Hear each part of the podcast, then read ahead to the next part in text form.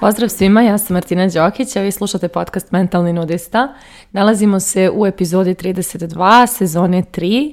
i u ovoj epizodi govorit ću malo o tome kako smo rođeni za velike stvari,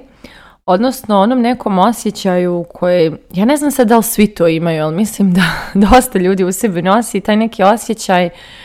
da mogu nešto veće ili da, da postoji nešto veće od života i postoji neka, da kažem, svrha, suština, nešto u njima što možda čeka da se probudi i pokrene ili se možda pokrenulo na nekom nivou, ali nije skroz ili je tu, ali ima još nivoa toga i tako dalje, ali cijela osnova je taj osjećaj da možemo više, da smo rođeni za više i da postoji neka verzija života koja je ono više od toga što sada živimo. I meni, bar u mom okruženju, na moje edukacije, moji klijenti, moji prijatelji, svi imaju taj osjećaj i dolaze s tim osjećajem i znaju da u sebi nose neke mogućnosti koje možda još uvijek ne žive. I onda, kažem, nisam sigurna da li baš svi na svijetu to imaju, ali evo, pretpostavljam da ljudi koji slušaju ovaj podcast imaju u sebi taj osjećaj, čim da vi svi, jeli, čim ovo slušate, birate da želite neki kvalitetniji ili veći život od ili kakav god, nježniji, kakav god život od toga što trenutno imate, ali birate rast, put rasta. I upravo ja ću sada podijelim neko svoje iskustvo o toj temi i neke svoje načine ili, ili puteve koje sam prešla u, u tome i gdje sam sad sa tim dakle, ja sam od malena negdje vjerovala da kao postoji nešto veliko što ja treba da uradim ili da postoji neka misija u meni, iako dugo nisam nekako znala šta je to i s druge strane nisam dugo ni imala ideju da li je to što ja mislim tačno ili je to neka moja sanjivost i neka moja, ne znam, naivnost, pa kao svijet ne funkcioniše tako, to samo ja eto tako nešto imam u sebi, neku, neku ideju koja je ono nerealna, jeli. I prosto e, u, u mom okruženju dok sam ja odrastala nije postojala ta perspektiva je kao da svi smo mi rođeni za nešto veliko, svi mi u sebi nosimo neke potencijale, e, mi, pojenta života je da to živimo, pojenta života je da to zatim idemo ne, nego sam nekako rasla u onom nekom praktičnom, nije ni čak praktičan, nego prilično pesimističan e, pristup životu, a to je ono kao završi školu, završi fakultet, nađi dobar siguran posao, osnuj porodicu, kupi stan, znači ono kao zna se šta se treba uraditi da se život nekako uredi i napravi da bude funkcionalan i kao to je to, radiš posao, e, plaćaju ti doprinose i kao super, eto, tako se živi. I onda nekako ovaj, baš uvijek je ta moja sanjivost i te moje neke vizije koje sam imala, ja sam ih uvijek na neki način živjela. Znači, kao klinka sam, ne znam, u dvorištu recimo organizovala priredbe sa svojim drugaricama, pa e, ne znam, u školi sam uvijek bila u nekim sekcijama, vodila neke programe. Znači uvijek sam nekako imala potrebu da radim nešto dodatno od tog puta koji je meni rečen da je ispravan i zacrtan i onda je prava neka frka i muka nastala kad se već došlo do tih godina kada se ono bira fakultet i taj neka profesija u životu, jer ja sam tada ovaj, izabrala opet ono što je pod navodnike pametno, a nisam izabrala ništa što je u skladu s, mojom, s tim mojim osjećajem unutrašnjim da tim nekim zovom koji sam u sebi osjećala da mogu da napravim nešto veliko. I samim tim što sam rasla kako sam rasla, ni moja uvjerenja koja sam nosila u sebi, odnosno ideje života, nisu bile e, podržavajuće za tu moju uh, sanjivost o velikim stvarima. I isto tako, E, nisam ni imala samopouzdanje koje može to da podrži, ni okruženje koje može to da podrži. Znači, prosto ništa oko mene nije, e, nije bilo tu da kaže tako je, to što ti želiš je veliko važno i treba da ideš za tim ili treba da tražiš šta je ta tvoja misija, nego sve se nekako svodilo na tu neku praktičnost ili ne uzemljenost, kako god to nazvali. I ja sam zapravo zbog tog svog e, načina razmišljanja vjerovala da sam ja naivna i da sam ja sanjiva i da je život nešto sasvim drugo, a da su te moje ideje i snovi prosto dječija stvar i da to ne može da se nekako implementira u stvarni svijet. I baš mi je nekako sad kad pogledam, žao mi je što sam odrasla u takvoj ideji jer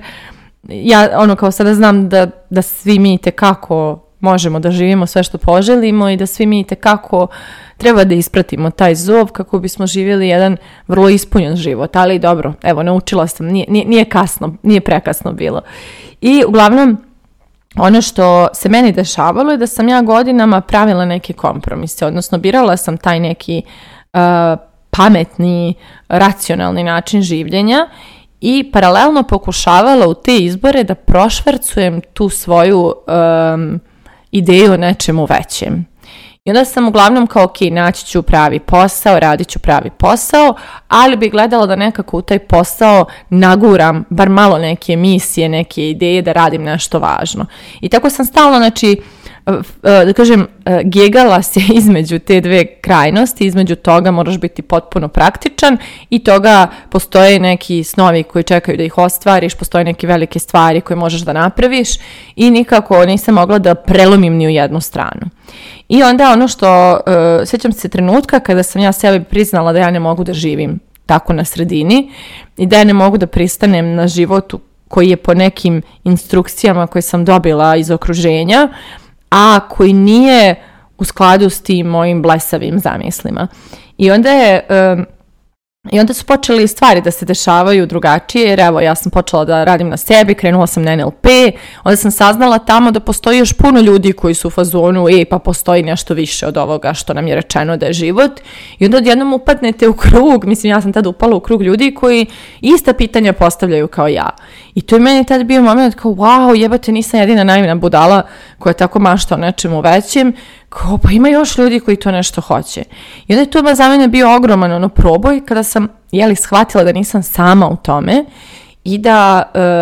i da prosto ima još ljudi koji su slični meni, što, i koji su i stariji od mene, koji su i postigli svašta nešto, koji su žive na drugim kontinentima, napravili su kuće, domove, porodice, biznise, ali i opet imaju te, ta pitanja koja sam ja nosila u sebi. I onda sam ono, u nekom trenutku kao da mi je to trebalo da ja shvatim da taj zov u meni nije pogrešan, da je vrlo relevantan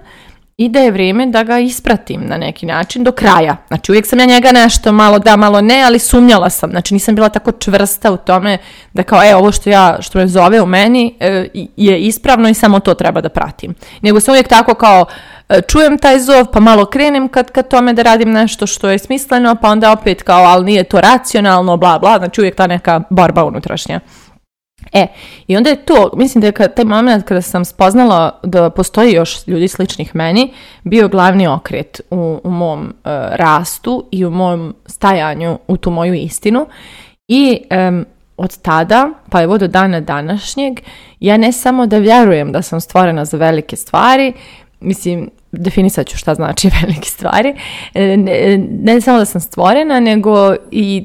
da, je to jedini način da se živi život. Mislim, naravno, nikog ne osuđujem ni za jedan drugi način, ali kao, ja se toliko iznenađujem konstantno otkrivanjem nekih novih verzija sebe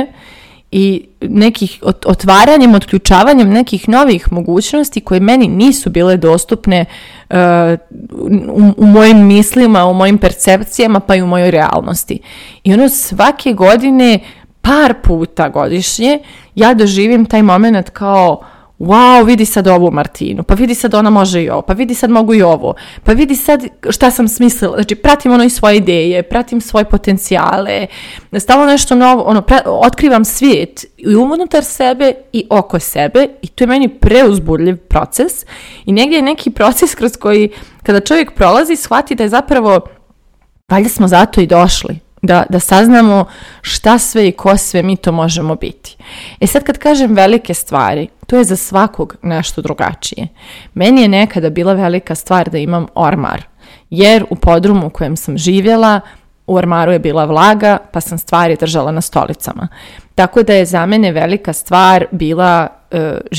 imati kuću u kojem imam ormar koji je normalan i mogu da držim svoje stvari u njemu. Nekad je za mene bila velika stvar imati redovna primanja ili imati platu od koje mogu išta da, da, da kupim što je van onih osnovnih stvari. E, nekad je za mene bila velika stvar e, živjeti u Beogradu otići za Beograd, pa sam i to postigla. Pa nekad je za mene bila velika stvar otvoriti svoju kompaniju, pa evo sada imam treću. E, nekad, znači, Svašta nešto je nekad za mene bila velika stvar, ali pojenta da mi ispratimo tu svoju sljedeću veliku stvar. Znači, i kad god ostvarimo tu jednu, sljedeća se otvara. I onda je, da kažem, sav taj, e, e, to praćenje tih velikih ideja u nama nema veze s tim da li je to nekom drugom velika ideja i da li je to nekom drugom život i snova, nego potpuno ima veze s tim gdje smo sada i koja je sljedeća velika ideja ili veliki cilj ili veliki san ili veliki korak ili velika promjena koju mi želimo da napravimo. I samo to osluškivanje toga šta naši potencijali u nama šapuću i šta nam sve govore je E, i, povjerenje u taj, glas u sebi i ono prosto e, e, osluškivanje tog glasa i reagovanje u skladu s tim glasom je nešto što ja vama ne mogu da opišem koliku radost životnu može da donese, jer ljudi, znate vi koliko je u vama magije koja čeka da je otključate. Znači, bukvalno svako od nas je fenomenalan, predivan, fantastičan i svako od nas kada, kada prati te, taj zov u sebi, može da otkrije sve te fenomenalne stvari o sebi i naravno na tom putu nađu se i neke prepreke. Naprimjer, eh, ja nedavno sam ono za, za, za, zacrtala neki sljedeći cilj, neku sljedeću fazu u životu i eh, piskarajući o tome, vizualizujući to, radeći na tome, dovelo me do jedne duboke teme u meni, jedne traume koja me sprečava sve vrijeme da tako nešto ostvarim. I sad, naravno, ja sad treba prođem kroz to iscjeljenje, ali ja znam, ja sam toliko uzbuđena, ja znam što me čeka iza tog iscjeljenja, zato što uh, jedva čekam da upoznam i tu verziju Martine. I onda... Uh, i život može biti jedna vrlo zabavna igrica i doslovno je kao igrica, znači doslovno imamo svoj karakter, svoj lik koji može da e, se razvija, da napreduje, da dobija neke nove supermoći, da prelazi neke nove levele i da stiže jako daleko. Ali ako mu pristupimo, e, znači da bismo pristupili životu na taj način da je kao jedna zabavna igrica, potrebno je da osluškujemo taj quest, tu misiju u sebi koja nas poziva da idemo u nekom pravcu. U suprotnom, živimo jedan, ono da kažem, klasičan život, pomalo uspavan, u kojem se stvari uglavnom ponavljaju iste i mm, ako nekako ne produbljujemo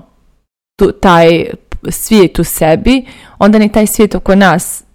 ne biva toliko magičan.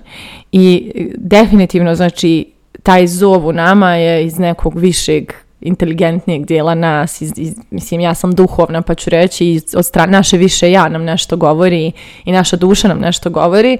ali ono što često staje na put je naš ego, naša, naš osjećaj sigurnosti koji želimo da sačuvamo, a koji često čuvamo na uštrb